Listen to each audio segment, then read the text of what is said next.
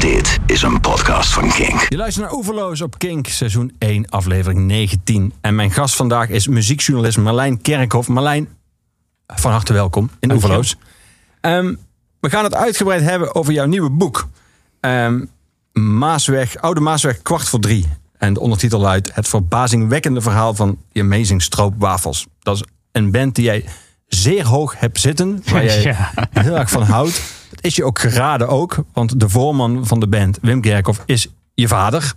Het is een band die in 40 jaar eh, 7000 keer optrad en 11 keer niet.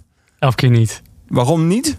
Eh, dat waren dan dingen, er waren gevallen zoals eh, dat er ineens een kind werd geboren. Zoals ik. ja, sorry aan alle fans die teleurgesteld zijn. Eh, nee, eigenlijk dat soort dingen. Maar het is, ja, het is, het is bizar gewoon. Eh, de, de optredens op straat, want ze zijn begonnen als eh, straatmuzikanten, zijn dan niet eens meegeteld. Dus het gaat om, om en nabij, of nee, 6900 uh, huppel de pup. Eh, optredens, geboekte optredens. Ja, precies. Officiële. Maar het is Ja. zo'n heel officieus circuit aan optredens. Nou ja, officieel. Kijk, dat is natuurlijk. eh, toen ik dat. eh, ik heb een beetje onderzoek gedaan van. Ja, zijn er, zijn er misschien nog bands in Nederland die vaker hebben opgetreden? Want er komt natuurlijk claimen van. Nee, de meest optredende, nog actieve band van Nederland. En toen waren er wat mensen, zoals mijn collega Menno Pot, de muziek, popjournalist van de Volkskrant, die zei van ja, dat kan niet. Die kan niet, want ja, je, je bent natuurlijk geneigd te denken aan eh, dingen als Golden Earring of zo, weet je wel. Die natuurlijk heel, als je het hebt over officieel, die spelen dan in een zaal, en alleen in een zaal. Die komen niet op die trouwerij ook. Nee. Maar bij de Amazing Stroopwafels is het en-en. En alles kan. En ze speelt op de gekste plekken en eh, voor wie maar wil. En eh, dat hebben ze ook mede gedaan door die, ja gewoon, toen die Nederpophouse eh overging. Ehm, ja, ik ga nu, eh, ik ga misschien al veel te ver eh, diep Nee, graven nu. Nee, helemaal Eh, toen die, ze, ze komen natuurlijk uit die Nederpoptijd, opgericht in 1979. Dus een beetje van dezelfde generatie moet je denken als Doe maar, Goede Doel, Toontje Lager. Zij waren natuurlijk veel minder bekend. Maar toen dat, die nederpop in eh 84 ineens op zijn gat lag... en niemand daar meer interesse in had... zijn zij gewoon door blijven spelen. Zo kleinschalig mogelijk, goedkoop. Zonder manager, zonder al die poespas, zonder roadies of wat dan ook. Ja. Ze hadden niet zoveel overhead. En Ze hebben wel een rider, las ik, eh, maar die ging vooral over de thee. Jouw Ja. vader wil echte thee en geen groene thee, want dat Ja. is eigenlijk geen echte thee. Ja, bands als Van Halen die eisten natuurlijk ooit in de jaren tachtig van eh, nee, alleen alle M&M's maar zonder blauwe. En eh, mijn vader heeft één voorwaarde, een clausule in het contract. Er moet bij aankomst moeten er twee potten thee eh, klaarstaan en er nog eentje in de pauze. En bij voorkeur slap. Ja. maar het zijn echt veel optredens. Want je, schrijft ergens in het boek dat in, bijvoorbeeld in 1990 zij 288 keer hebben opgetreden. Dat is gewoon vijf keer per week. Dat is echt bijna geen band Ja. in Nederland die dat, die dat redt. Ja, en dan, dan moet je je ook nog voorstellen dat bijvoorbeeld van die echt die topdagen, ehm zoals eh, Koninginnedag of zo, dat je natuurlijk heel veel geboekt wordt. Dan, dan ging mijn vader echt zo dat regelen, zo boeken, dat hij bepaalde optredens dan zo in de buurt deed, dat hij echt zoveel mogelijk op één dag kon doen. Dus in 1990 of 91 was het ook dat hij er vijf op één Koninginnedag had geperst. Maar dan, dan denk je van, nou, dat, dat is als een, à la een bandartiest. eh, Henk Wijnberg, of hoe heet hij ook nu? Wijngaard. Wijngaard, hè, Ja. met de vlammende pijp Ja. eh schurk door de Bremen Pas. Weet je wel, dat je eh, gewoon een kwartiertje drie liedjes komt zingen. En, het li- en ehm, alleen met een bandje. Maar zij speelde dan gewoon echt binnen twee uur tijd. En eh, ja, het is gewoon fysiek. Ik snap, ik, ik, heb, eh, laatst, eh, ik, ik heb later ingevallen. Ik, ik ben gitarist. Totaal geen. ik heb wel voorbereidend jaar conservatorium gedaan, maar ik ben echt geen professional. En dan denk je, en, en dan voel je ineens hoe zwaar dat is. En dan denk je, hoe is het mogelijk dat iemand dit vijf keer op één dag doet? ja. Was dat voor jou een kernvraag voor het boek? Hoe is dat mogelijk dat iemand, jouw vader in dit geval en zijn medebandleden, dit zo lang volhouden en nog steeds met zoveel plezier doen? Ja, dat is, eh, dat is inderdaad dat, dat is een van de, van de achterliggende, vra onderliggende vragen. Want ik, ik, ik, snap, ik snap het eigenlijk vanaf het moment dat ik echt wist wat het was. Namelijk op, toen ik zelf mee ging draaien in die molen eventjes. Het was in, eh, ik geloof 2010. Ik kreeg eh, de, de slaggitarist, die kreeg ineens een evenwichtsstoornis. Dus die kon, die kon, we dachten van, nou ja, die is misschien wel een half jaar uitgeschakeld of zo. Maar die, het bleef beperkt tot twee weken. En ik eh, heb toen vijf eh, optredens meegedaan. En ja, dan, dan zit je ineens in die molen en dan besef je hoe zwaar het is. Ja, want dan beschrijf je dat je het fysiek zwaar vond. Dat de zweetdruppeltjes in je oog prikte. En dat alles, Ja, eh, je maar vingers... iedereen, iedereen verwacht wel wat van je. En dat is het verschil met als je gewoon in een lekker amateurbandje staat en je kan lekker een half uurtje spelen en iedereen zit toch maar lekker bier te drinken en af en toe tussendoor roept iemand Slayer. Ja, dat is gewoon anders dan. eh, Maar aan de andere kant, je denkt van, ah, mensen verwachten iets van mij, maar het is, het, iedereen kijkt tijd alleen maar naar mijn vader. dus die va- vangt ook wel de, de klappen op en de, de vliegen af. Hoe Ja, dat? ja. Is dat de reden? Zit daar een kern van de, van de verklaring waarom hij dat al zo lang eh, in deze mate volhoudt? Houdt hij van aandacht? Of houdt hij vooral van gewoon spelen? Dat is een hele, hele goede vraag. Houdt hij van aandacht? Want dat weet ik niet. Nou, denk ik, ja. Hij houdt niet zozeer van. Nee, ik denk niet dat het daarom te doen is. Hij houdt echt van spelen. En hij houdt er ook wel van, als alles gaat zoals hij wil. Ja. En, eh, En dat is op een podium, als het goed is, als, je het, als het lekker loopt, gaat het zoals je wil. ja. En, en dat, dat eh, de, de mensen die, hè, die band is helemaal op hem afgestemd in die zin. eh, Of hij heeft die band ook zo min of meer een soort samengesteld. Of Mhm. die is door de jaren heen een, beetje zo gevormd. Dat ja, de mensen die, ehm, die niet met hem door een deur konden. Of ja, wel met hem door een deur konden. Maar met wie het niet zo goed boterde. Dat je, dat je het zeg maar zo... Dat, je zo'n ego en toch niet naast je kan dulden. Die zijn er afgehaakt. En ja, mijn vader is... v- veel van zijn collega's die omschreven hem als een... eh, ja, die waren het lief eh, voor hem hoor. Maar ook als een soort egocentrisch eh, figuur. Ja. Ik gaan we het nog verder over hebben. De vraag of dat Gaan misschien een voorwaarde is zelfs om, om, kunst te kunnen maken. We gaan muziek draaien ook uiteraard. Je bent muziekjournalist eh, en muziekliefhebber vooral. Ehm, we gaan muziek draaien uiteraard van eh die Amazing Stroopwafels zelf. En we gaan eh, enkele andere bands draaien. Maar laten we beginnen met de band waar het boek over gaat. De band van je vader. Je hebt achter in het boek een eigen top opgenomen van nummers die jij het allerbeste vindt. Het lijkt me nog best een klus geweest om daar een soort dat. volgorde in aan te brengen. Ehm, en deze staat op één, eh, voor de storm. Waarom deze? Het is heel moeilijk, eh, vooral voor die nummer 1, weet je wel. Want ik denk, ik denk inmiddels alweer van, ja, het zou toch misschien een ander moeten zijn. Maar het is een, ehm, het is melodisch heel sterk. Het is verhalend heel sterk. Het is ook een beetje een van die dingen die mijn vader ja, toch wel kenmerkt als tekstschrijver. Het, is heel erg, het zijn best wel show-don't-tell teksten. En het verhaal hierachter is, dit nummer gaat, het heet Voor de Storm. En dat gaat ook over die, beschrijft die dag voor de watersnoodramp van 1953. Eh, de- een beetje belegen Nederland, ARP eh in eh, Zeeland dan in dit geval, denk ik. Ehm, ja, waar eigenlijk mensen totaal niet bewust zijn van, van het drama dat komen gaat. Want ehm, mijn vader die, die houdt helemaal niet eh, van, van grote uit, emotionele uitbarstingen of zo. Het gaat, het gaat om het simpele en het kleine en het, het, ook het verhalende. En dat vind ik, eh, dat vind ik wel leuk van deze tekst. Die tekst heeft hij trouwens samengeschreven met, met Cornelis Pons, moet ik wel even bijzeggen. Ehm, en die muziek, hij schrijft altijd de muziek alleen. En eh, ja, Punt. punt. je, wil jong naar de muziek, hè? Slayer! Nee, helemaal niet. Maar meer, je zegt het heel resoluut. Want je bent van het aftasten en die teksten zijn samenwerking. Maar die muziek is van hem. Punt. Nee, maar dit, je moet eh, eer- eren wie eren toekomt. Weet je wel? Dit, Ja. ehm, dat eerste couplet was eh, geschreven door Kees. Eh, of Cornelis, sorry. Ehm, en ehm, ja, dat, het idee was, was van hun samen. Maar goed, het- ja, het is gewoon een... ja, ik vind, ik vind het gewoon een bloedmooi nummer. Ik staat hier nog steeds op één.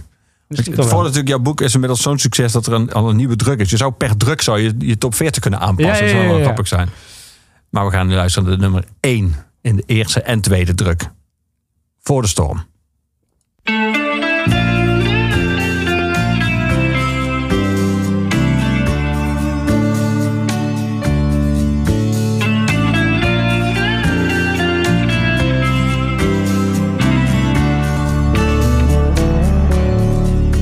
Was op de laatste dag van januari.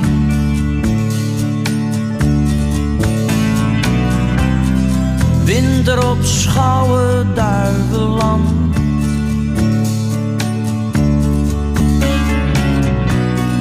Morgen werd het alweer februari. Gewone zondag niets mee aan de hand.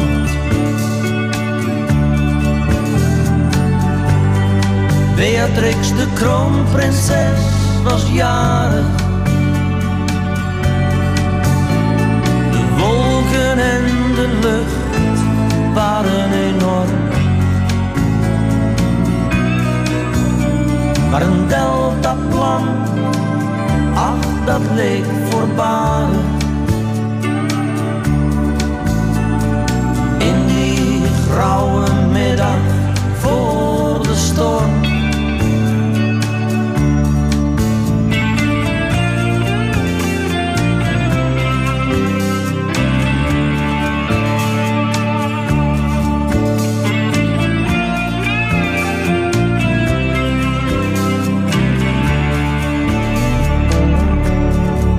De lucht hing laag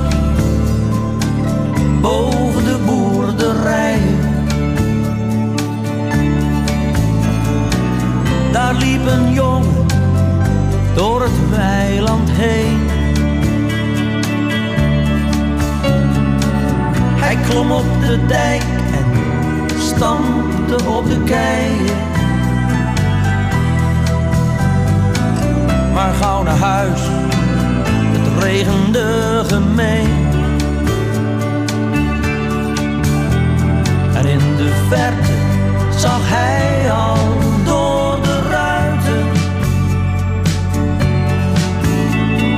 gezinshulp in het verpleegstersuniform.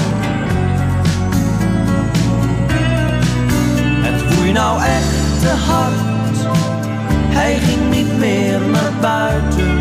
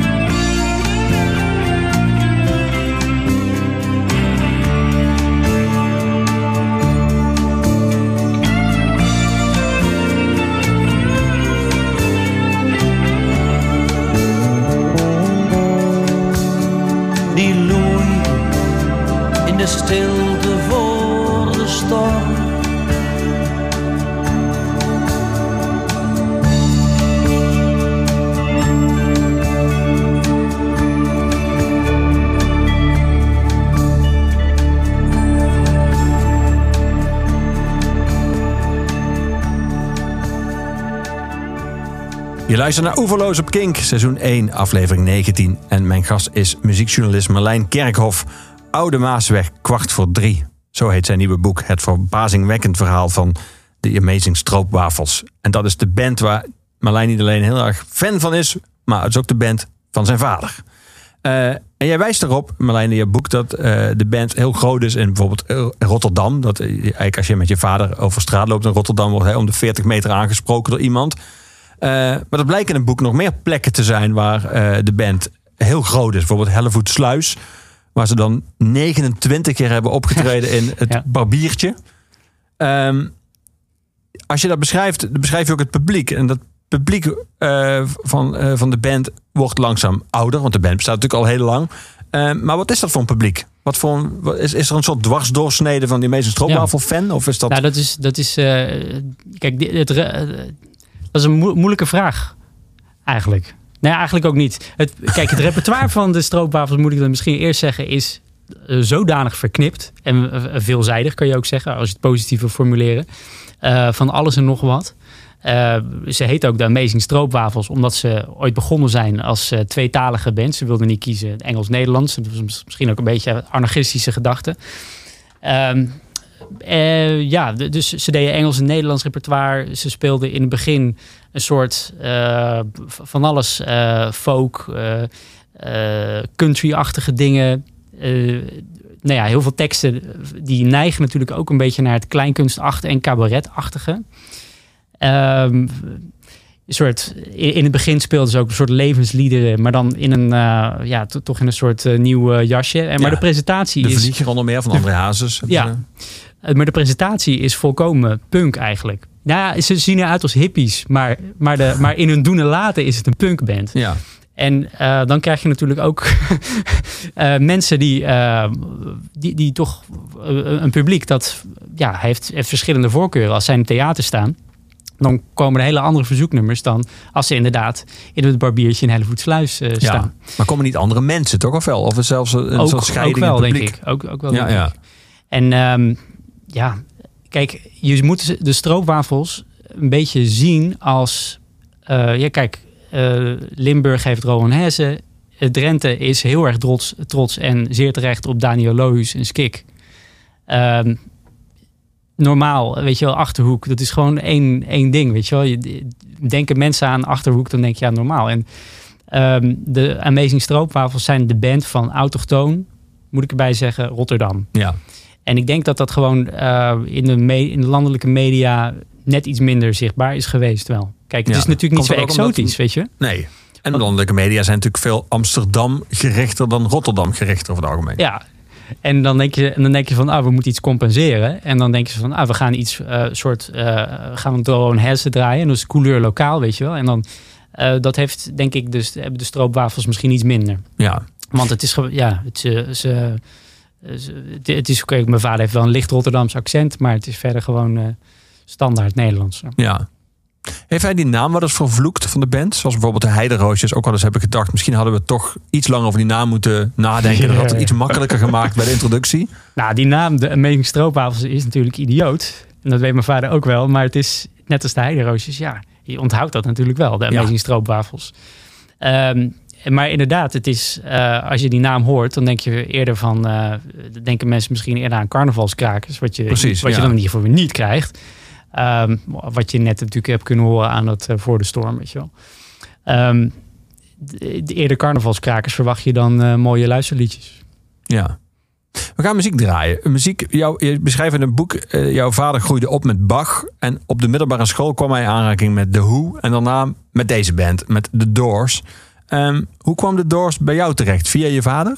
Nee, het is heel grappig. Ehm, ja, ik had een vriendje, Stefan, met wie ik ook in mijn eerste bandje zat. Dat heette Mest. Dat kwam van Merlijn en Stefan.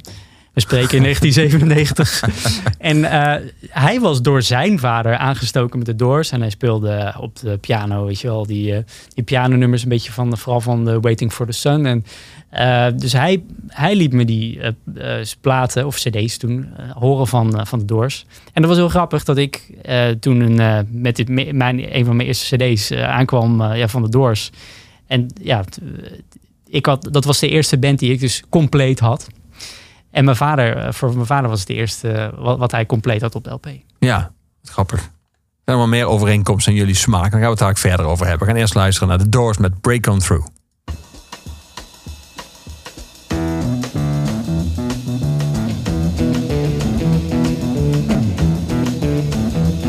You know the day destroys the night, night divides the day. Try to run, try to hide, break on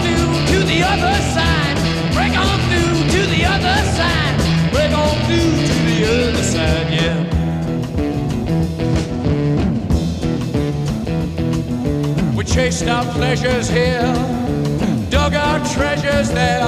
But can you still recall the time we cried? Break on through to the other side.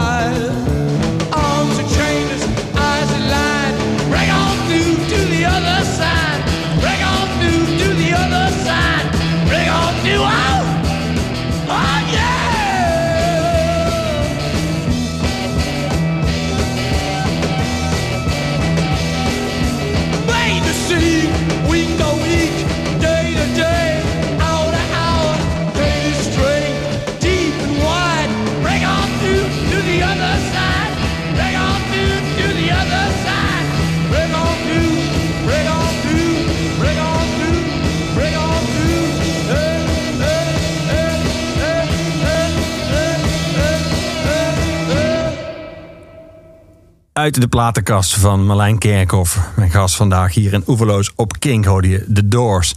Eh, Marlijn, als je een boek schrijft over de band van je vader... en daarmee ook van een belangrijk deel een boek over je vader... dan ontkom je er natuurlijk ook niet aan om op zoek te gaan naar...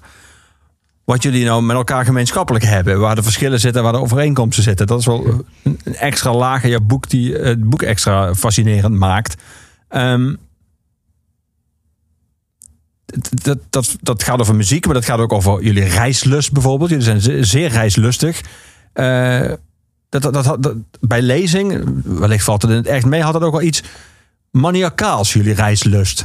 Ja, Je, je- jouw vader heeft besloten dat hij overal geweest wil zijn. ja, bij mijn vader is dat nog wat erger dan bij mij. Ja, maar hij is ook iets ouder. Hij is ook iets ouder. Hij, eh, ja. ik, kan, eh, ik kan er nog inhalen als ik heel erg mijn best doe. Maar nee, mijn vader die heeft ooit besloten dat hij alle landen van de wereld wil zien. En er wil zijn geweest. En eh, op een gegeven moment nou is hij dus bijna klaar. En dan, dan verzint hij dingen van ja, dan wil hij ook in alle staten van Amerika zijn geweest. Nou, dat is nog leuk. maar, maar ja, ook alle provincies van Argentinië en zo. Weet je wel, oké, oké, oké. En eh, ja, die maakt veel kilometers. En eh, iemand zei... Maar is de luchthaven genoeg van de hoofdstad? Of Nee, je moet wel door de douane zijn geweest. En dan kreeg je een keer het commentaar van iemand van... ja, je bent eigenlijk... je carbon footprint is niet goed. En toen zei mijn vader... Ja, maar ik, eh, ik reis eh, klimaatneutraal. Want eh, als ik dan in Spitsbergen geweest... dan boek ik de volgende vakantie naar Mali. Dus ja, goed. Ja, tegenwoordig... mijn uitgever die zei... misschien moet je dat er maar uithalen... want vinden mensen niet zo leuk meer tegenwoordig. Deze smeltende poolkappen. En, Ja. Maar goed. Maar jij hebt dat van deel overgenomen. want Jij bent ook zeer reislustig. Ja, mijn vader die, die vulde dat gewoon voor mij in. Weet je, wel. toen ik een klein kindje was, van, dan waren we in Italië op vakantie in 1996. Eh, en toen zei hij van, eh, oh, dan gaan we, oh leuk, dan gaan we nog even naar Kroatië. Dus dan heb je het land erbij. En ja, dan neem je het vanzelf wel over, dat rare trekje. Ja. Dus, en, dan is Kosovo, puur- en, en, en dan is eh, Kosovo net afgescheiden. En dan gaan wij, zitten wij direct dezelfde zomer nog in de auto om dat nieuwe land even te scoren. Ja. Grappig dat je het woord score genoemd. Want zo, die indruk krijg je ook een beetje. Het is een soort postzegelverzameling. Hij moet compleet. Of Ja. gaat het echt om een intrinsieke interesse in de landen zelf? Allemaal. Nou, eh, mijn vader die wil echt, die heeft, ja, hij heeft, eh, ik zal het maar verklappen, die heeft toch wel een beetje, ik benoem dat niet zo in het boek, maar die heeft een beetje autistische trekken. Ja. En eh maniacaal zeker. En hij wil eigenlijk die controleren of de atlas wel klopt. hij, hij wil een soort Google, Google Street View in zijn hoofd maken. En hij, eh, dat deed hij als kindje al. eh, ging hij bijvoorbeeld eh, zelf kaartjes maken. En dan ging hij alle wijken van Vlaardingen waar hij is opgegroeid. Hij, komt hij is geboren in Rotterdam, opgegroeid in Vlaardingen. Dat ligt aan de, ten westen daarvan. En toen dan ging hij gewoon, dan vroeg hij aan zijn moeder van, kun je me naar de Indische buurt rijden, moeder? En dan met, zijn, met een kaartje en een pen ging hij de, de straten blokken. En ja, dat bleek dan ook heel goed te kloppen altijd. Goed hoofd daarvoor. Ja. Jullie deden meer eh, muziekliefde, maar ook muziek afkeren. Je schrijft in het boek dat jij net als jouw vader Jacques Brel, ik citeer, haat. Einde citaat. Eh, en dat jij niet begrijpt, net als jouw vader, waarom zoveel mensen, weer een nieuw citaat, dwepen. Einde citaat, met David Oeps. Bowie. Moet ik natuurlijk niet tegen jou zeggen. Nee, ja, nee, dat, dat begrijp ik niet zo heel goed. Maar nee dat, dat is duidelijk. Brel begrijp je wel, of niet? Nee, nee, ik- ja, nee, eigenlijk ook niet. Nee, ook niet, oké. Nee, haat is nogal is Nee, een vrij sterk is- woord. Haat is een beetje overdreven, inderdaad. Maar eh, nee, kijk, ik gun iedereen natuurlijk zijn, eh, zijn smaak. En eh, dat is, over smaak valt niet te twisten. En, Kom maar. Maar, Ik toch, begrijp- maar toch blijkt nu, dubbele Ja. punt. Nee, kijk, ehm Jacques Brel. Het is eh, precies ook wat mijn vader ook niet doet met die, die manier van zingen. Is eigenlijk het tegenovergestelde Ja. van, van wat mijn vader doet. Dus Zeker. Als, we- als we het even op, op hem houden, weet je wat? Zingen met heel veel pathos, een snik, gezwollenheid. En ehm, ja, daar ben ik zelf ook niet zo heel erg van. Nee. En eh, ik denk van, v- van gast, zeg gewoon waar het op, waar het op staat. Ja. Oh, dat klinkt een beetje... Ik zeg je gewoon, gast, komt er gewoon uit Rotterdam. Kom uit Rotterdam. ja, hij niet. En David Bowie dan? Nou, ik heb me eh, vaak uh, afge... Die, die, ik had me nooit zo om eh, David Bowie bekommerd. Ik heb me daar ook nooit aan gestoord. Want ik heb, ik heb helemaal niks tegen David Bowie. Eh, laten we dat voor opgesteld hebben. Um, dus het is niet zo dat ik, uh, als, als ik Jacques Brel hoor, dan word, word ik een beetje, krijg een beetje allergische reactie. Dat heb ik bij David Bowie helemaal niet. Maar um, ja, toen hij overleed, toen, uh, dat was wel grappig. Toen werkte ik, ik werk nou bij de maar toen werkte ik nog bij NRC, uh, bij NRC Next. Toen werd ik gebeld van, ja, we gaan, uh, die, David Bowie is overleden en we gaan een bijlage maken. Toen is er een hele bijlage gekomen over David Bowie. En dat waren interessante stukken, en het ging, maar het ging heel weinig, viel mij op, over zijn muziek. Sterker nog, er was maar één alineaatje die, het ging wel over albums, maar wat, wat heeft hij nou precies gedaan? Hè? Gewoon echt analytisch. En uh, wat, waarin is hij dan zo onderscheidend geweest? En dat, dat viel me wel op. Ik, ik, ik ben een beetje, ik heb een beetje een hypothese, maar misschien uh, moet jij dat, kan jij dat betwisten of ontkrachten. Want um, ik denk dat, dat dat een van de eerste uh, echte soort sterren is die natuurlijk een soort persona heeft gemaakt. Maar mm -hmm. ook voor bij wie de muziek ook een soort soundtrack is bij zijn leven. En dat hij uh, allemaal super gave dingen heeft gedaan. En belangrijk is over uh, ons denken misschien over genderrollen en zo. En allemaal uh, dat soort dingen. En soort theatrale dingen. Ja, die alter ego's. Maar die alter ego's. En ik, is dat misschien niet misschien nog net iets belangrijker of belangwekkender dan, dan de muziek zelf? Of, de, of zit ik er helemaal naast? Nee, ik vind het een interessante theorie, maar het is bijna onmogelijk om het te scheiden, denk ik. Ik denk dat ja. bij hem allemaal door elkaar liep en dat het ook een soort, van deel ook miskeldijnen en van deel ook, heeft hij natuurlijk vele pogingen gedaan om zichzelf opnieuw uit te vinden. En was het ook, denk ik, iemand waarbij, als dat niet helemaal lukt, het nog steeds interessant is, omdat de poging ja. zo uh, groots was. Um, maar ja, interessant. Dat, dat, ja, dat, dat is maar meer reflectie voor nodig dan wij hier in een, live, in een uitzending ja, even ja, kunnen. Ja. Nee, maar goed, aan de andere kant bedoel hij had een slag om, om de arm. Want uh, ja, ik hoop natuurlijk wel altijd dat het kwartje valt. En ik, uh, ik hou van heel veel soorten muziek. En ik ben ook helemaal gek. De laatste tijd ben ik heel erg met, uh, met Latin bezig en, en salsa en zo. Dan zit ik Narcos te kijken en dan ben ik zo helemaal aan het genieten van die, van die muziek. Fantastisch gewoon. En um, ja, en ik hoop altijd dat het kwartje valt. Ja. Nog. Ja. Interessant als het kwartje bij Letten dan uh, valt als soundtrack bij een drugsoorlog. Dat ja, ja, goede ingang. We gaan muziek draaien. Ja, David Bowie. Hello Space Boy.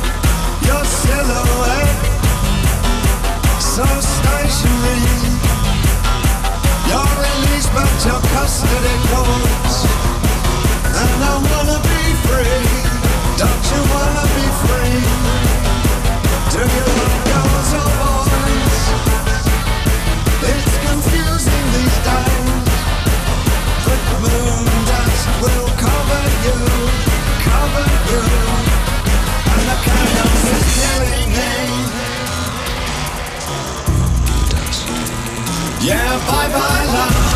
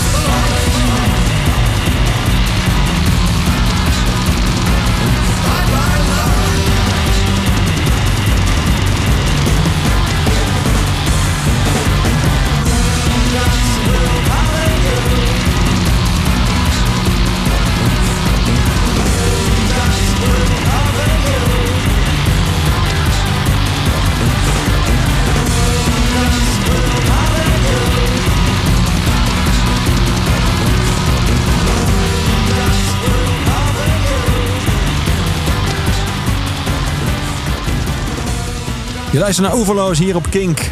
Seizoen 1, aflevering 19. Muziekjournalist Marlijn Kerkhoff is mijn gast. Oude Maasweg, kwart voor drie. Zo heet zijn nieuwe boek over de Amazing Stroopwafels. De band van zijn vader. Ehm, een band die zo lang bestaat en die al zo vaak heeft opgetreden, het er net over, bijna 7000 keer. Als je dan niet eens de officieuze optredens buiten en op straat, eh, eh, niet officiële boekingen meetelt. Eh, bij een band die zo'n lange geschiedenis heeft en zo'n lange periode eh bestrijdt, bestrijkt, eh, is het bijna onmogelijk eh, te voorkomen dat het boek ook, en dat gaat over vergankelijkheid.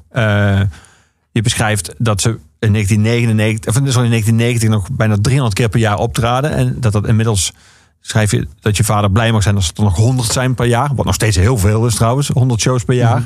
Ehm, op een zie je wat jongeren aan was en fans. Dan schrijf je Er is hoop.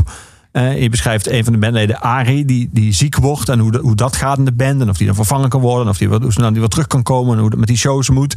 Ehm, is dat een thema wat zeg maar, langzamerhand eh, opkwam terwijl je bezig was? Of had je van tevoren al bedacht dat een boek over een band die zo lang bestaat... ook een boek over vergankelijkheid is? Ja, dat is een goede vraag. Ik, ik kwam laatst een mooie metafoor te- tegen van dat je schrijvers hebt als architecten die je gewoon vooraf uitstippelen hoe iets eh, gaat. En een tuinier die je als een schrijver als tuinier die een plantje laat groeien en op een gegeven moment ontstaat er zo'n tuin. Eh, ik, ben, ik ben meer de laatste. Ehm, ja, goed, het was natuurlijk heel erg duidelijk wat er, wat er zo in moest van, van die geschiedenis. En eh, wat belangrijk was. Maar inderdaad, dat thema van vergankelijkheid, dat, dat diende zich steeds meer en feller aan. Weet je wel? Dus ik, als ik naar eh, als je dan geconfronteerd wordt met beelden van je vader van zo lang geleden. En hij ziet er eigenlijk, ontdek je dat hij er dan ineens toch wel anders uitziet dan nu. Eh, dat hij, eh, hij, hij was, we vonden hem toen ik klein was al eh, kaal. Het zo'n- hij, heeft- hij heeft lang haar, maar hij is toch ook kaal. Weet je wel? En dat word ik dus ook. Maar dat vonden we in 1990 al. Had hij zo'n helikopterplatform om zijn hoofd. Maar nu is hij echt kaal. Maar heeft hij nog steeds lang haar.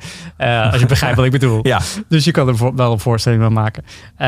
En ja, hij wordt, ze worden oud. En ehm, Zag je ook als jij die beelden terugzag van je vader, zie je dus ook beelden van je vader die toen hij toen optrad op die beelden ongeveer net zo oud is als jij nu. Ja, dat is natuurlijk heel confronterend. Dat oude Maasweg, dat hij dat dan heeft gemaakt eh, als 28-jarige. Terwijl het, het klinkt eh, heel volwassen. Maar goed, ja, er zijn natuurlijk... Ik bedoel, we hebben net eh, Jim Morrison eh, gehoord. eh, die, die was nog jonger. Die, maar ja, dan denk je, shit. had, ik, had ik niet het een en ander meer moeten bereiken in, in al die tijd?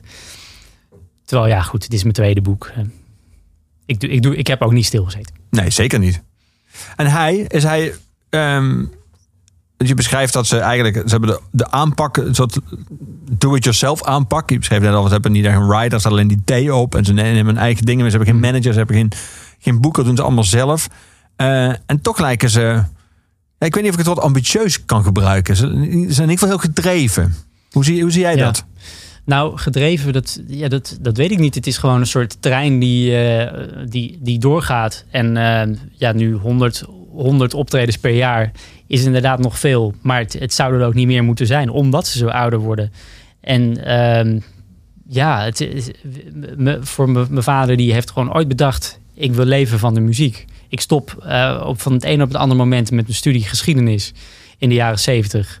Eh, toen is hij in een eh, soulband gaan spelen eh, van Joe Bourne. Ik weet Ja. niet of je dat iets zegt. Er was een soulzanger, heeft een paar hits gehad eh, Ja. eind jaren 70. Maar je beschrijft ook dat hij daar zo weinig verdiende dat hij eigenlijk onder bijstandsniveau eh, werkte. Maar dat hij weer te trots was om Ja. een uitkering aan te Dus als je het over gedrevenheid hebt, inderdaad, heeft gewoon twee jaar of drie jaar onder het bestaansminimum geleefd. En op een gegeven moment kon hij dus leven van zijn eigen muziek. Want toen richt hij in 1979 eh, eh, de Amazing Stroopwafels op met Fred Piek. Die kwam natuurlijk van die band Fungus. Al die Willen te Kaper waren de eerste folkrock eh, groep die ook eh, ja, een soort eh, grote hit had. De, daar kon hij een beetje zo op, eh, ook, ook een deel eigenlijk op meeliften. Hij kreeg die band eigenlijk een beetje in de schoenen geworpen. En het was eigenlijk een soort band met een nieuwe frontman, namelijk mijn vader. En ja, sindsdien, hij, hij- wilde leven van zijn, eerst van de muziek en daarna van, de eigen muziek, van zijn eigen muziek. En dat is gelukt. En dat Ja. doet hij nog steeds. En dat is, dat is eigenlijk alles wat hij eh, wil. En verder heeft hij geen, eh, geen eisen. Dus ja, of ik, ik zou niet per se weten wa- waar hij nu zoveel ja, gedrevenheid eh, toont. Hij gaat gewoon door. Nou, daarin. Ja, Ja. Ja, dus je kan over die termen discussiëren. Ik kan zeggen, eh, hij, heeft een ambitie gehad ooit om eh, van de muziek te kunnen leven. Alleen dat doet hij al 40 jaar. Dus in die zin is het gewoon gelukt. En Ja. lukt het dan om het vol te houden, zeg maar. Ja. We gaan daar verder praten over, eh, over, je- over je vader, over zijn band. Maar we gaan muziek draaien. We gaan muziek draaien die jij hebt uitgezocht. Prince gaan we luisteren van het album Sign of the Times in 1987. Het nummer Strange Relationship. Eh, staat na, eh, zie ik nu tussen I Was Your Girlfriend en I Could Never Take the Place of Your Man. Wat allebei hits waren. En The Cross, wat nou, een soort live klassieker is geworden.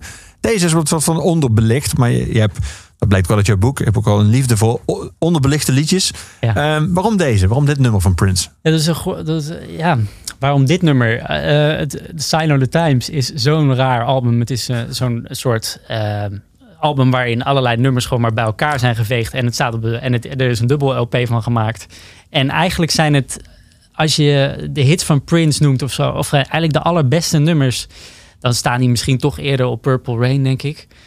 Maar toch is Sign of the Times mijn lievelingsplaat. En ehm, ja, mijn ingang ook geweest tot Prince. En er zit zoveel in. En dit nummer is gewoon, eh, ja, het- s- ja, er zit zoveel energie in. Dit is jouw ingang geweest. Dit, dit album meer nog dan Purple Rain. Ja, ik- goed, ja ik, ben, ik ben van eh, 1986, dus ik heb het natuurlijk allemaal niet chronologisch meegemaakt. Ik zag deze, eh, ja, je, hoort, je hoort het natuurlijk van die lijstjes van, van oh, dit zijn de, de, de beste platen van. En dat was, was, je- was het toen ook al. Maar wanneer hebben we het nou over? Ik, het is 87 was Ja, dit. het 87, Ja. maar ik was in 2004 dat ik eh, aan eh, Prince eh, verslingerd raakte. Ik, eh, ik kocht die LP en eh, ik zette dat op. En er zit zoveel lekkers in, funk, maar poppy. En het is allemaal zo goed geproduceerd. En eh, hij speelt natuurlijk ook fantastisch eh, gitaar. En ehm, ja, het, dan zijn er van die paaltjes die af en toe uit moet lichten. Ja, en dat is er één van. Strange Relationship van Prince van Sign of the Times 1987.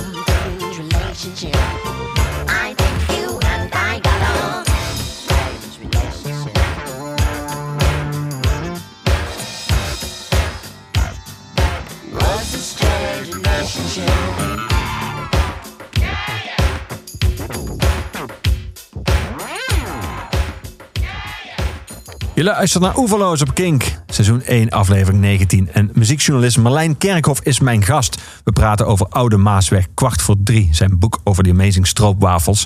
Ehm, je, beschrijft in het boek hoe jouw vader eh, speelt. Met leukoplaspleisters op zijn vingers. Waarom? Eh, nou ja, hij, hij speelt zowel eh, piano, dus toetsenborden, als eh, contrabas.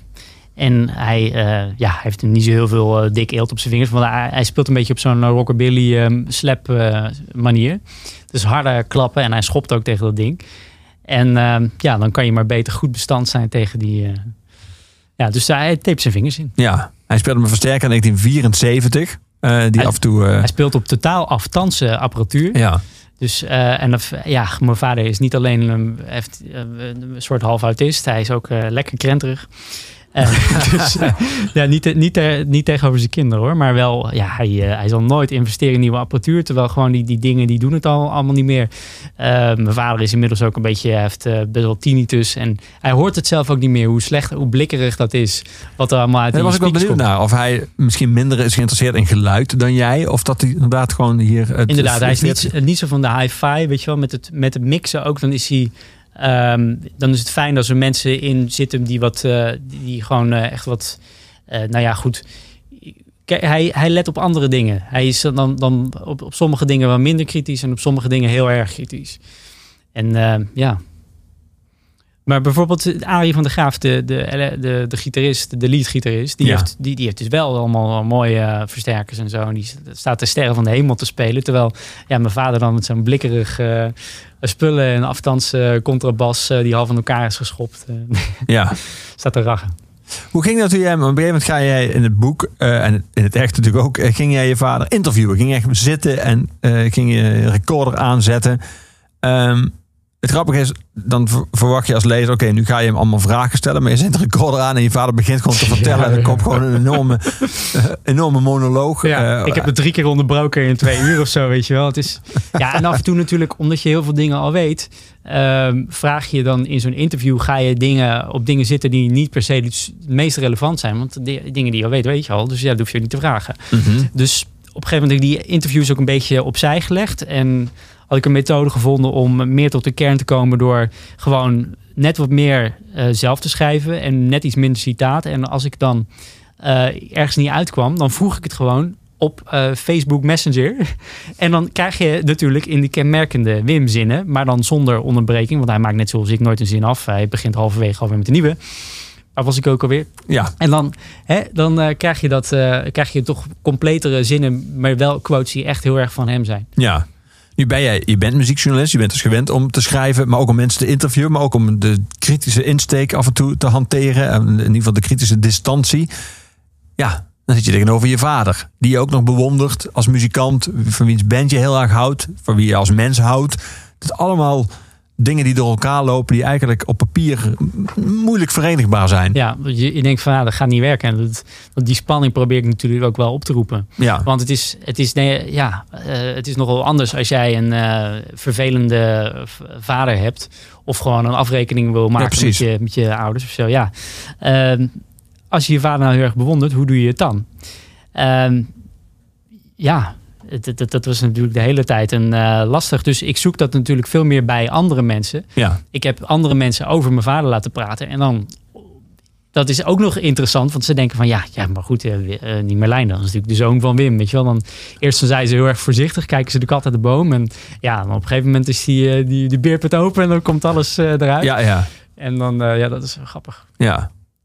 En je hebt het natuurlijk, ik kan me voorstellen, je, je hebt het over zijn levenswerk. Dus je hebt het over iets wat ongelooflijk belangrijk voor hem is. De, de grote constant in zijn leven, datgene waar hij als kind al wilde worden, muzikant, wat hij uiteindelijk geworden is, waar hij, ja, een soort van. eh, je bent eigenlijk een monument aan het maken voor iemand die zelf een monument heeft gemaakt van zijn muziek eh, via zijn band. Dus het lijkt me ook wel ingewikkeld om, als je al kritisch zou willen zijn, om, om, om hem heel kritisch te benaderen. Je wil hem Ja. ook niet krenken of je wil hem ook niet. Nou, maar kijk, ik, eh, dat krenken, dat is dus het grappige, van die grappige eigenschappen van Wim. Dat, dat doe je niet zo snel. Want kijk, als jij zegt van, eh, van joh Wim, ik vind je, ik vind je muziek eh kloten en je teksten slecht. En ja, dat interesseert hem niet zo heel veel. En dat is, dat is een eigenschap waar ik heel erg jaloers op ben, want ik heb dat helemaal niet. Als iemand, als, als iemand tegen mij zegt, of joh, ik vind die Amazing Stroopwafels totaal kloten en eh, je verbeeldt je het in dat dat eh, echt een van de beste bands is eh, van Nederland, dat iedereen het zou moeten kennen, dan vind ik dat heel erg vervelend. En dan ga ik er tegenin en mijn vader die, die lacht dat weg, weet je wel. Want het enige waar hij het aan afmeet is hij eigenlijk zelf. Hij heeft gewoon heel erg duidelijk in zijn hoofd wat, wat hij wil maken, wat hij leuk vindt. En verder zal het hem eh, worst wezen Ja. ook niet, natuurlijk niet 100%, want hij is natuurlijk helemaal, niet helemaal immuun. En daar ga ik natuurlijk ook in dat boek naar op Ja. zoek van, van zit er niet toch iets waar je, wat je ergert, weet je wel, trek je hier toch niet iets aan van, eh, van anderen. Ja, want er zijn optredens bij die hij beschrijft. En plekken waar, waar, het- waar die inmiddels ook weet als hij aankomt. Oh, dit is zo'n plek waar het publiek gewoon met mijn rug naar mij toe twee uur lang staat te ouwe hoeren. En daarna zegt tof, kom je volgend jaar weer spelen. Dan moet je wel in je eigen muziek geloven. Als Ja. dan de graadmeter alleen maar is de appreciatie van anderen. Dan heb Ja, je dat is in, eh, in, in West-Friesland, dat is in, eh, in Noord-Holland. eh Ja. klaarblijkelijk normaal. Ik heb, toen, ik heb toen ook een keer ingevallen in, in zo'n dorpje, De Weren was dat. Daar, en ja, dat is een totaal andere band, an- andere cultuur. Omdat mensen zijn heel veel bandjes gewend en ze zijn een soort nuchter. En ja, het, het, het lijkt ze allemaal op eerste gezicht niet allemaal te, te interesseren. Maar dan zijn ze na afloop toch heel hartelijk en gezellig. En ja, hij, eh, hij draait dan gewoon een soort. eh, zijn, eh, zijn- ik wil niet zeggen dat hij een bandje overdraait. Dat- Want, want er is juist in die optredens van, de stroop, van die Amazing Stroop was heel veel interactie met het publiek. Dat is toch wel een beetje onderdeel. Ehm, maar ja, waar, wat, wat was je vraag ook alweer? Ik ben het even kwijt. Nou, die, die optredens waar hij... eh, dat, hij moet wel in zijn eigen muziek geloven. ja, hij ja hij, hij, gelooft, hij gelooft heel erg in. En, dat hij af en toe eh, voor publiek speelt... wat niet meteen heel veel teruggeeft, zeg maar. Nee, je zit ook wel eens eh, natuurlijk. eh, dan, dan komt het ook voor dat er gewoon weinig mensen zitten. En dat maakt hem ook niet uit. Dat heb ik nu met die boekwinkeltour. Weet je wel, een toertje dat, dat we samen op gaan treden. Ja, jij vertelt En- dan over het boek en je vader speelde een paar Precies, nummers. ja. En ik je- eh, speel een paar nummers mee. Ja, En dan zitten er, zitten er één, één keer zaten er zeven mensen of zo. Vindt mijn vader helemaal niet erg. Doet hem helemaal niks. nee. Wel mooi, Ja. vind ik. Ja. Hij doet het omdat hij het leuk vindt. Ja. Zelf.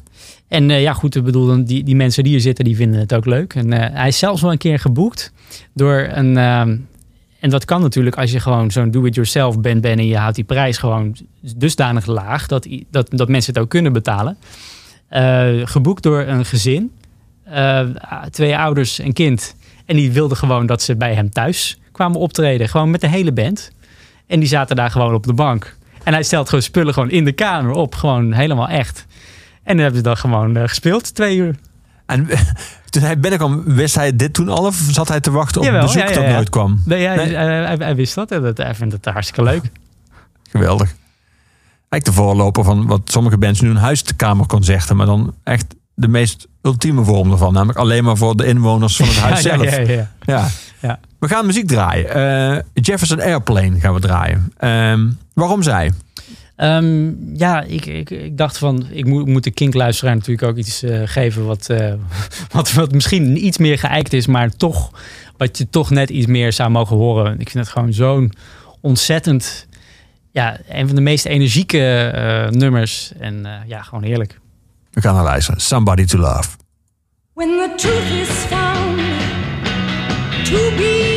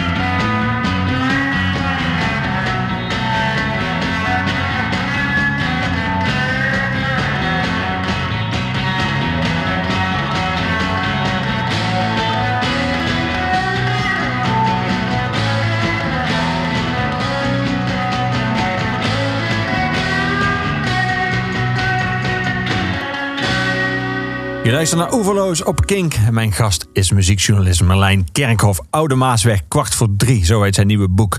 Het verbazingwekkende verhaal van die Amazing Stroopwafels.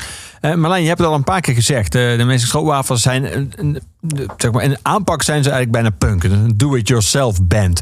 Maar het feit dat ze besloten om het allemaal zelf te doen... dat heeft wel een eh, interessante voorgeschiedenis. Ja. En die beschrijf jij in je boek. En dat is een passage die gewoon zo verschrikkelijk leuk is... dat ik voorstel dat we het er niet over gaan hebben... maar dat we er gewoon naar gaan luisteren. Dus ik zou je willen vragen of je de passage uit het boek... waar je dat beschrijft, die zomer van 1986...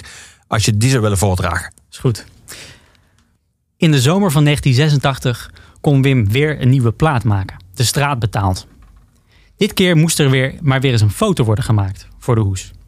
Het idee was om iets te doen met de mythe van de straatmuzikant die met zijn centenbakje staat te bedelen, maar als hij klaar is twee straten verderop in zijn dure auto stapt.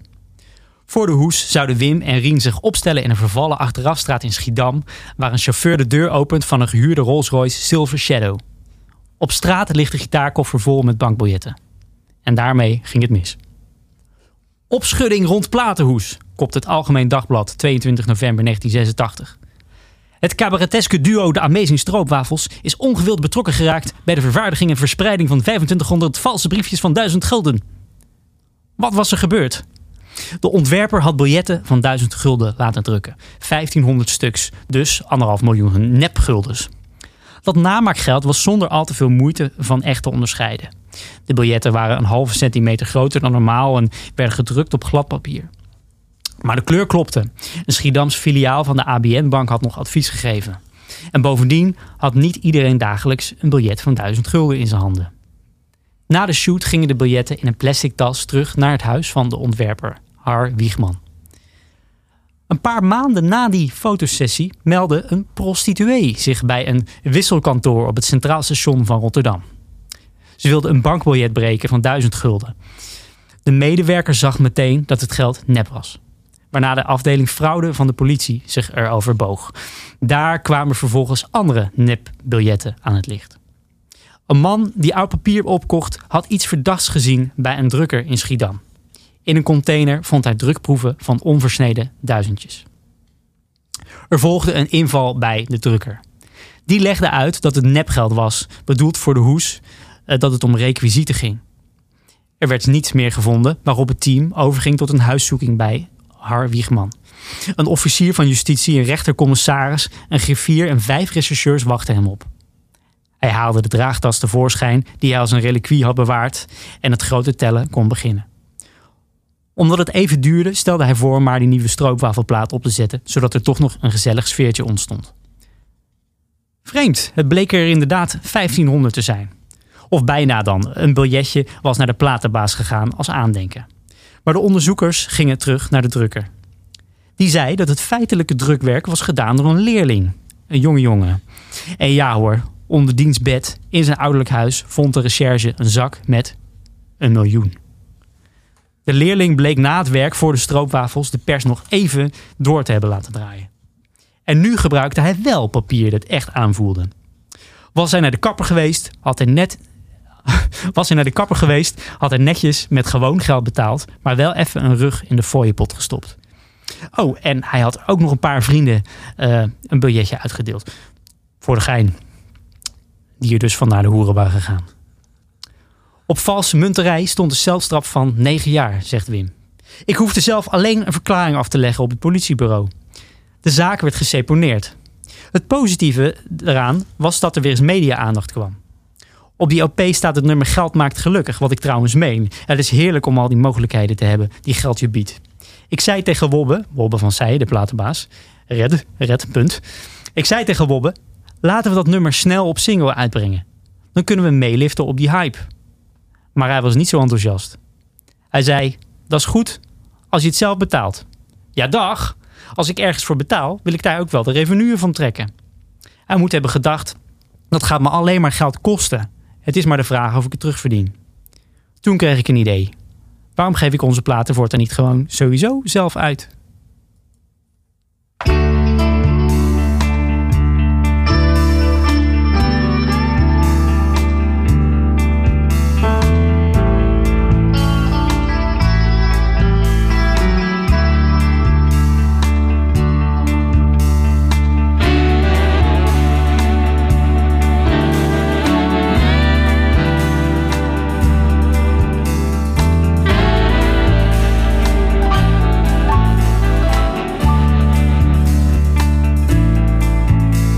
De stad lag nog in puin, er reed geen tram of trein. Mijn vader zei, ik stond verbaasd, opeens op het Hofplein. Weer terug in Rotterdam, zes jaar op zee geweest. Zag hij hoe in een zijstraat bij een radio werd gefeest. Van de koolsingel klonk gejuich, een mooie dag in mei. En iedereen leek vrolijk, in een decor dat anders zei. Hoe vreemd dat zo'n kapotte stad nog feesten kon. Op de klanken van Glenn Miller in de wolken. Daarboven scheen de zon. Van Delftse Poort tot station Maas was het één woestenij. Maar in de grote leegte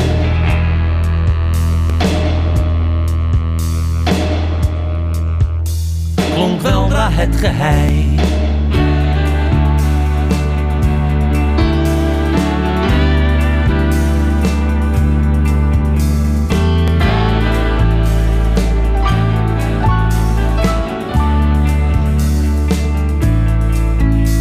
En langzaamaan verrezen op het niemandsland.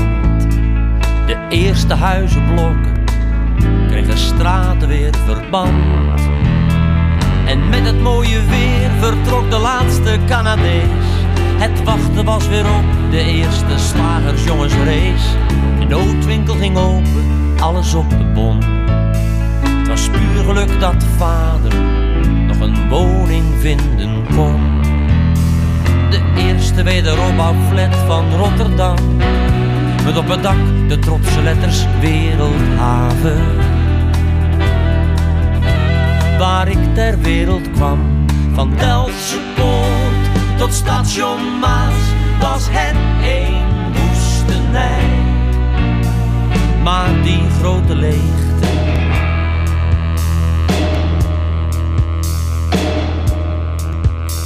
is nu voorgoed voorbij.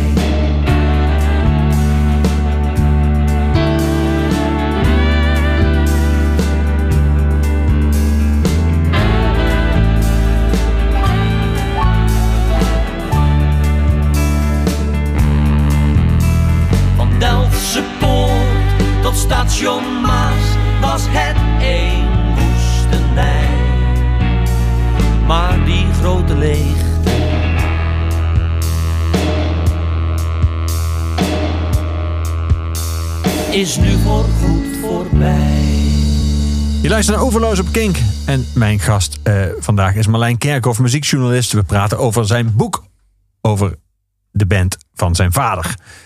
Amazing Stroopwafels. Ehm, jouw vader is zijn hele leven kunstenaar geweest. Je moeder is een kunstenaarsdochter. Ehm, je beschrijft in het boek dat eh, aandacht van andere vrouwen voor jouw vader niet echt een onderwerp was. Omdat hij gewoon al heel lang heel gelukkig met jouw moeder eh, is. Ehm, ik zat, terwijl ik het boek las, eh, dacht oké, hij is echt, die man is dus in periodes van zijn leven, best wel lange periodes van zijn leven, 300 avonden per jaar weg geweest. Was hij elders, was hij aan het spelen, kwam hij s'nachts thuis. eh, ehm, toch lijkt, als je, als je jouw boek leest, lijkt, lijkt zij het, heel, fijn te hebben samen. Ja. En op een gegeven moment gaat het over politiek. En dan beschrijf jij dat zij ook sommige onderwerpen die het misschien zouden kunnen leiden dat ze wat minder fijn hebben samen, dat ze die gewoon mijden. Jouw moeder is GroenLinkser, je vader is ooit zeg maar links begonnen en is Ja, langzamerhand PSP van heel links dus, eh, eh, opgeschoven naar eh, inmiddels de VVD. Dus daar hebben ze gewoon besloten, daar hebben we het dan maar niet over. Is dat, ehm dat lijkt me ook wel grappig voor jou om dat te onderzoeken als je dan zo kijkt, oké, hoe houden die ouders het zo lang, zo leuk met elkaar uit? Kennelijk is het geheim sommige onderwerpen gewoon onbespreekbaar verklaren. Nou ja, dat is, dat is pas recent gebeurd hoor. Want Oké. misschien is het juist een beetje ruzie of eh, eh, af en toe ook wel gewoon, juist gewoon goed, toch? Ik bedoel, je moet eh, niet, als, als, als alleen maar overal mee eens bent, dan is het maar saai. Je moet toch wel een beetje conflictpunten hebben. Ja, Maar op zich, mijn vader is natuurlijk, een, zijn mede-bandleden noemen hem best wel dominant.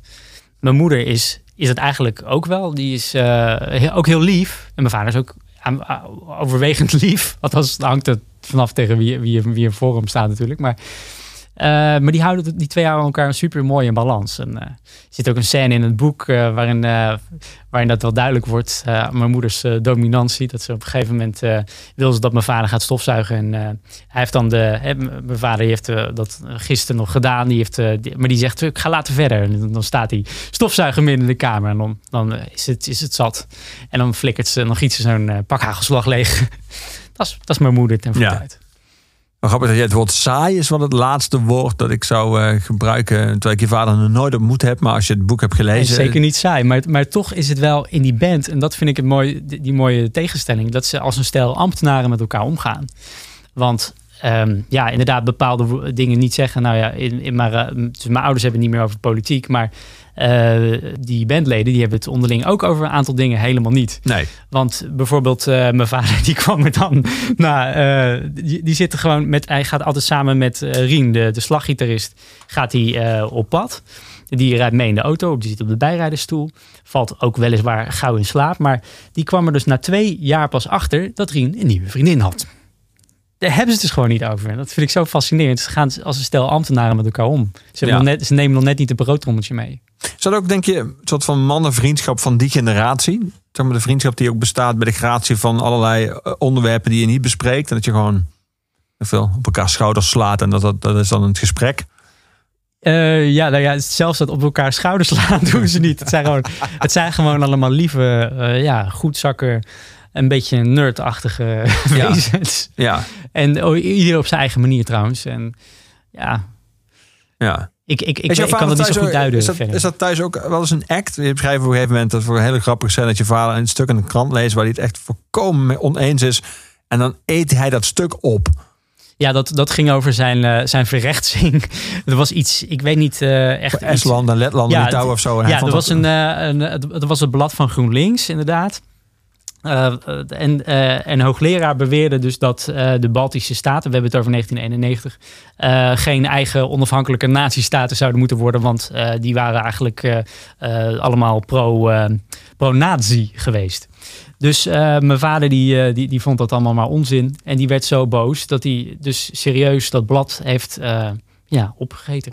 Ja, Die stond dat gewoon te vermalen in zijn, in zijn furie, in zijn boosheid. Die stond, maar ja, dat is geen act. Hij is dan oprecht heel boos. dat En snap ik. Maar dat zou, je, zou die het ook opeten als er niemand anders in de kamer was?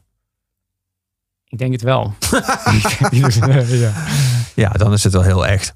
Ja. We Gaan boven wel. hij, heeft het, hij heeft het wel weer uitgespuugd. Dat dat dan weer wel. Dus als een pulp eh kots. zeg maar. Ja. Nou ja. Ja, we hebben het beeld. Je hebt het wild. Volgende week hier in Overloos op Kink. eh, Pip Blom. Heel veel zin in. En dit is eh, een van de laatste nummers. Daddy Issues.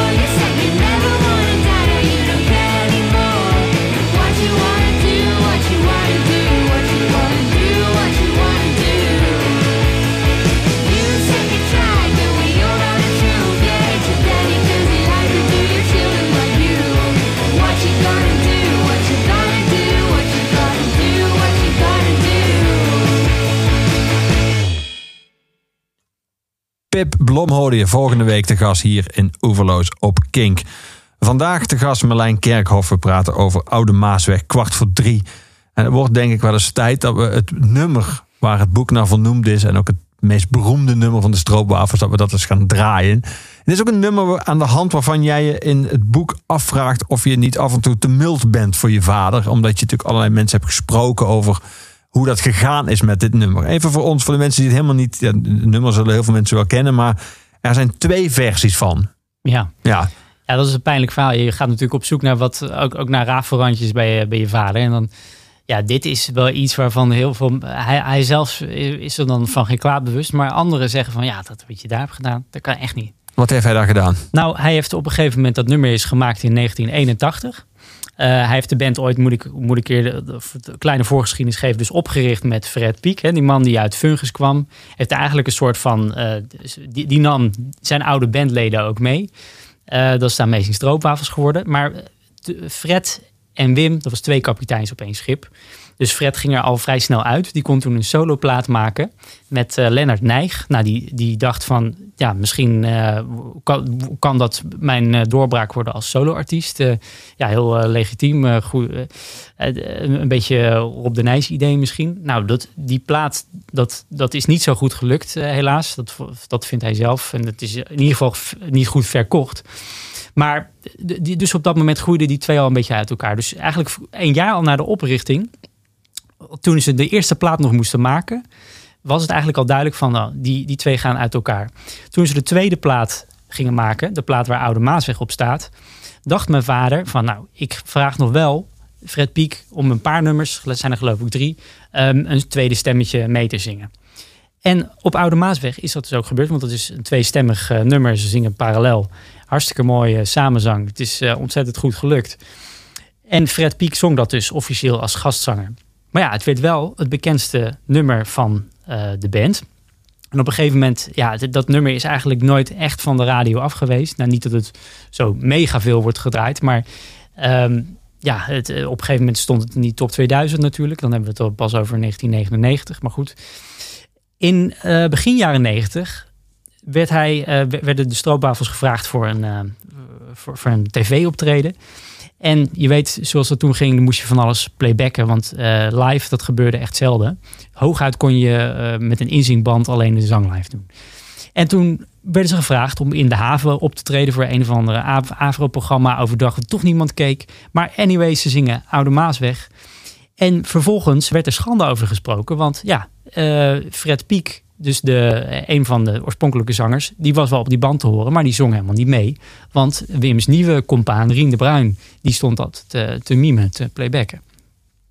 En eh, mijn vader dacht van, weet je, om dit ver- vervolgens te voorkomen, althans dat is zijn versie van het verhaal, moet ik, eh, moet ik even bij zeggen, eh, maak een nieuwe versie.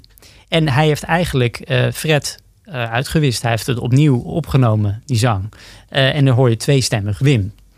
En ja, hij heeft het ook wel zo gedaan dat, eh, en daarom denken mensen toch van ja, dat is toch een beetje gek, van dat het ook wel echt heel erg lijkt alsof hij Fred is.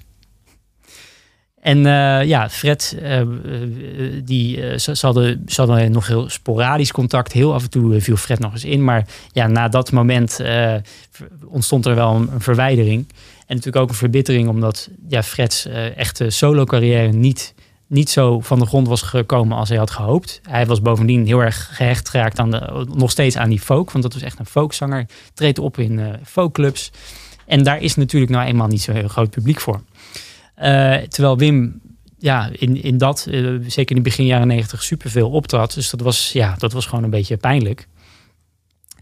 En ja, ehm, ze hebben elkaar op een gegeven moment, eh, zagen ze elkaar niet meer. En eh, als ze elkaar eh, tegenkwamen, dan groeten ze elkaar nog wel. Maar ja, een beetje plichtmatig. Ja, ja.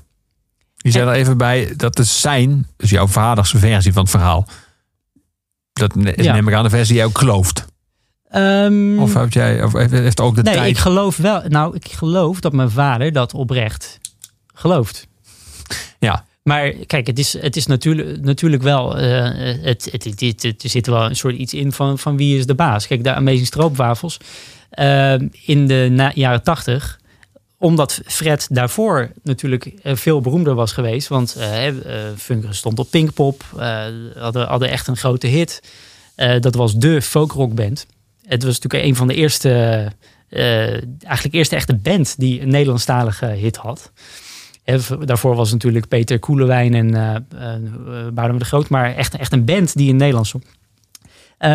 Dus in de jaren 80 en begin jaren 90 werd er nog veel aan Fred Piek gerefereerd. Zo, zo van, ah, dus eigenlijk de band, de band van Fred. Terwijl hij officieel maar één jaar erin had gezeten. En dat stak Wim dan weer wel. Ja. En daar kom je dan achter, want dan denk je van ja, Wim, het, het, het kan hem allemaal niks schelen. Maar één ding kan hem dus wel wat schelen. En dat is dat de stroopwafels zijn band is. Ja. Mooi verhaal. Althans, een verhaal dat ook veel zegt over, eh, over niet alleen over het nummer, maar vooral over je vader. En over, het, over zeg maar, hoe belangrijk een soort van artistieke eigendom voor hem is. Van alles. Van de band, van zijn eigen leven. Ja. Ja, en kijk, uiteindelijk is het, ehm, is het wel weer rechtgetrokken. Ik bedoel, mijn vader zegt ook van die, eh, die, die ja, echt grote verschillen. Die, die, die, die versie met Fred vindt hij wel iets mooier, ja. Maar en uiteindelijk wordt die nu ook wel weer vaak, eh, meestal gedraaid op de radio. Maar het lullige is, eh, op Spotify stond de, de versie waar Wim dus twee keer op te horen is, stond hij eerder. Want hij heeft op de een of andere manier is die eh, plaat waar, de, waar, die, waar het nummer op staat, gewoon een soort verzamelalbum, eerder eh, verschenen. Ah, op die manier. En daardoor heeft hij eh, nogal een voorsprong in kliks. En eh, hoe noem je dat ook weer? eh, Ja, is vaker gestreamd. De ja, vaak zijn- gestreamd. Ja, dus, dat, dus heeft een soort voorsprong. Ja, En eh, daardoor mensen die dan eh, de stroopwafels ontdekken, dan denk je, ja, als, je het, als je die plaat van Hart voor Weinig hebt, ja, dan hoor je dus eigenlijk twee keer Wim. ja. Even voor onze duidelijkheid. De versie die ik nu ga draaien, die in jouw Spotify playlist staat, die ook gebaseerd is op die top 40, die achter in jouw boek eh, staat van de beste nummers. Welke versie is dat? Eh, eh, wat bedoel je? De versie die wij nu gaan draaien. Ja, dat is de oorspronkelijke versie, gewoon met Fred. En dat is, eh, ja, kijk, die, die mix is, eh, bedoel, die, die stemmen mengen prachtig met elkaar. En de mix is gewoon net wat mooier, net wat warmer. En eh, volgens mij is dat nummer eh, ook wat eh, ook iets korter. Kan je dus eh, makkelijk aan checken. Oude Maasweg. Hier zijn Amazing Stroopwafels. Sitting on a highway in a broken van, thinking of you again. Guess I have to hitchhike to the station. With every step I see your face. Like a mirror looking back at me saying you're the only one, making me feel I could survive. And so glad to be alive. Nowhere to run and not a guitar to play. Mixed up inside, and it's been raining all day since you went away. Manhattan Island Serenade.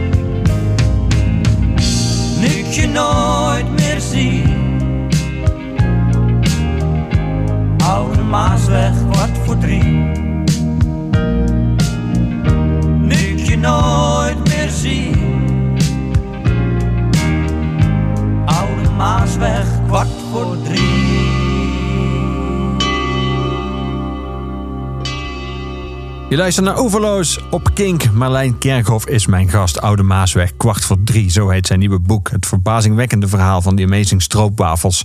Je hoorde ze juist, Oude Maasweg. Ehm Marlijn, we hadden een paar keer hebben het gehad over het verschil tussen eh, eh, bijvoorbeeld eh, hoe jij naar muziek kijkt en hoe je vader naar muziek kijkt. Het belang dat jullie hechten aan geluidskwaliteit bijvoorbeeld. Eh, ehm, merkte je op sommige momenten dat jij bijna dieper in de band wilde duiken van nummers dan je vader zelf? Dus was jouw Ja, dat zou kunnen. Kijk, hij heeft dat, hij heeft dat gemaakt dus het, en het is er. En het is er precies zoals hij wil, want hij heeft overal over nagedacht. Elke eh, track, ik bedoel, hij was ja, vanaf het begin af aan eigenlijk toch wel een soort de bandleider. En hij heeft op een gegeven moment door eigenlijk ook in 1986 of 87 was het, de boel over te nemen van de, van de oude platenmaatschappij. Heeft hij eigenlijk alles zelf in handen. Alle Ja. masters zijn van hem. Alles is zoals hij het wil.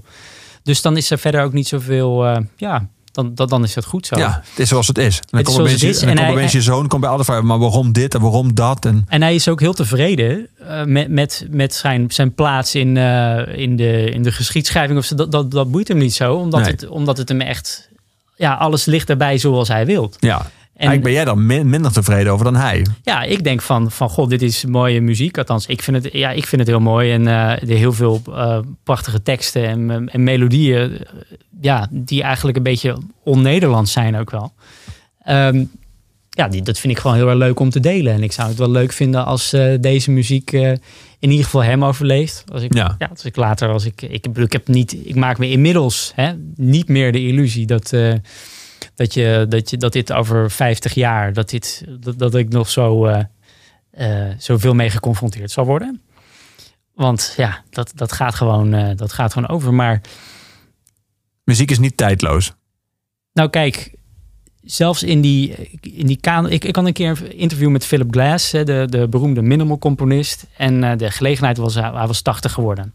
En ik vroeg hem eh, naar wat hij met zijn... eh, ja, hoe, hij naar zijn nalatenschap kijkt.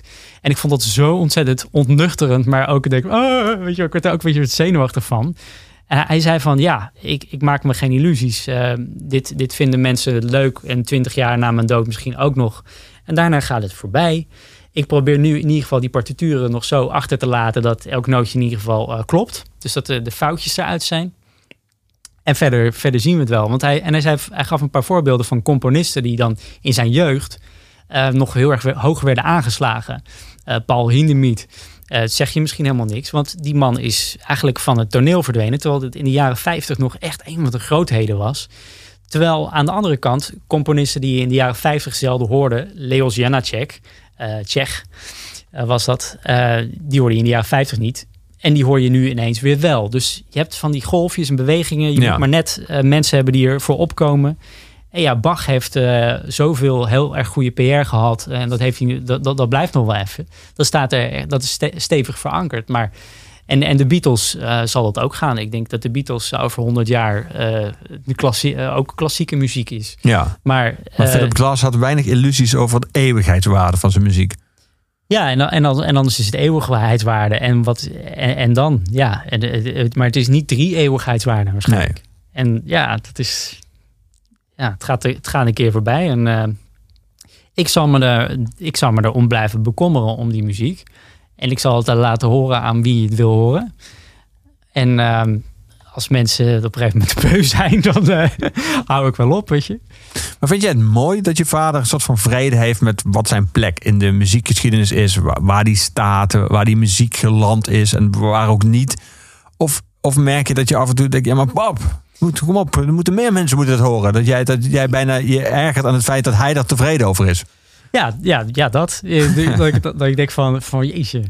En eh, je gaat er gewoon net iets te makkelijk mee om. En eh, het, het is natuurlijk heel interessant. Hij heeft, hij heeft LP's gemaakt, hij heeft CD's gemaakt. En in het digitale tijdperk is hij natuurlijk... Ja, die CD's staan inmiddels wel op Spotify. is dus nog steeds een, een deel van het repertoire. Dat, dat, want de eerste LP's waren altijd, die B-kanten waren allemaal Engelstalig. Die Engelstalige nummers zijn niet eens op CD verschenen. Dus dat is ook al een beetje vergeten. Maar die digitale representatie is best wel slecht, weet je wel. Dat, en dan denk ik wel eens van, zorg nou even, wat voor moeite is het nou dat je gewoon wat, wat nummers, eh, wat goede filmpjes op, eh, op YouTube zet. Want er staat alleen maar crap, weet je wel. Een Schuin, met schuin beeld gefilmde dingen waar je alleen maar gekletter hoort. Dan denk ik, wat, dat is toch niet zo moeilijk. Maar ja, hij is er gewoon helemaal niet mee bezig. Nee. Hij is het nog aan het maken. En jij bent al bezig met zijn legacy. Hij is nog aan het maken. Nou ja, hij is vooral aan het optreden en dat vindt hij heel erg leuk. En af en toe komt er nog eens een CD, maar die, eh, ja, goed. De, die, het, het is niet. Ja, hij is nog aan het maken, maar met, wel met, met zoals, eh, zoals ouderen dat doen. Het gaat wat rustiger. Dus Ja. niet meer, meer drang. van, eh, van elke, ja, elke jaar eh, moet, ik scoren. Dat is helemaal uit. Nee, dat moet niet meer zoveel. Het mag gewoon nog. Ja, Ja. blessuretijd. Ja. En ik vond, het, ik vond het leuk om dit boek dan nu te maken. Want de, omdat in, je kan het natuurlijk doen als die mensen al, eh, al echt eh, half dood zijn. Maar nu kan je ze nog zien Precies. En lezen. en lezen. Oude Maasweg, kwart voor drie van Marlijn Kerkhoff. Dankjewel Marlijn. We gaan afsluiten zoals iedere week met onze huisdichter, met Luc de Vos. Volgende week Pip Blom. En Luc sluit af met een nummer dat me heel toepasselijk lijkt bij het verhaal over eh, de stroopwafels. Dit is Ik Doe Mee.